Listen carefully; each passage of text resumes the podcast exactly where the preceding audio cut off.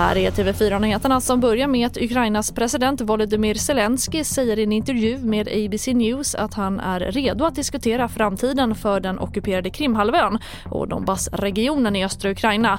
Samtidigt understryker Zelensky att han inte tänker gå med på de ryska kraven om självständighet för regionerna.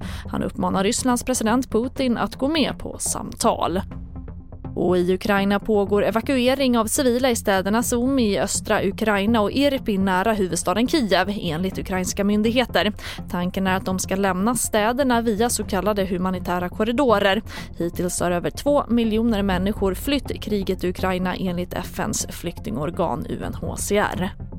Och pojken som fick livshotande skador efter en fallolycka på en skolgård på Hissingen har dött till följd av sina skador.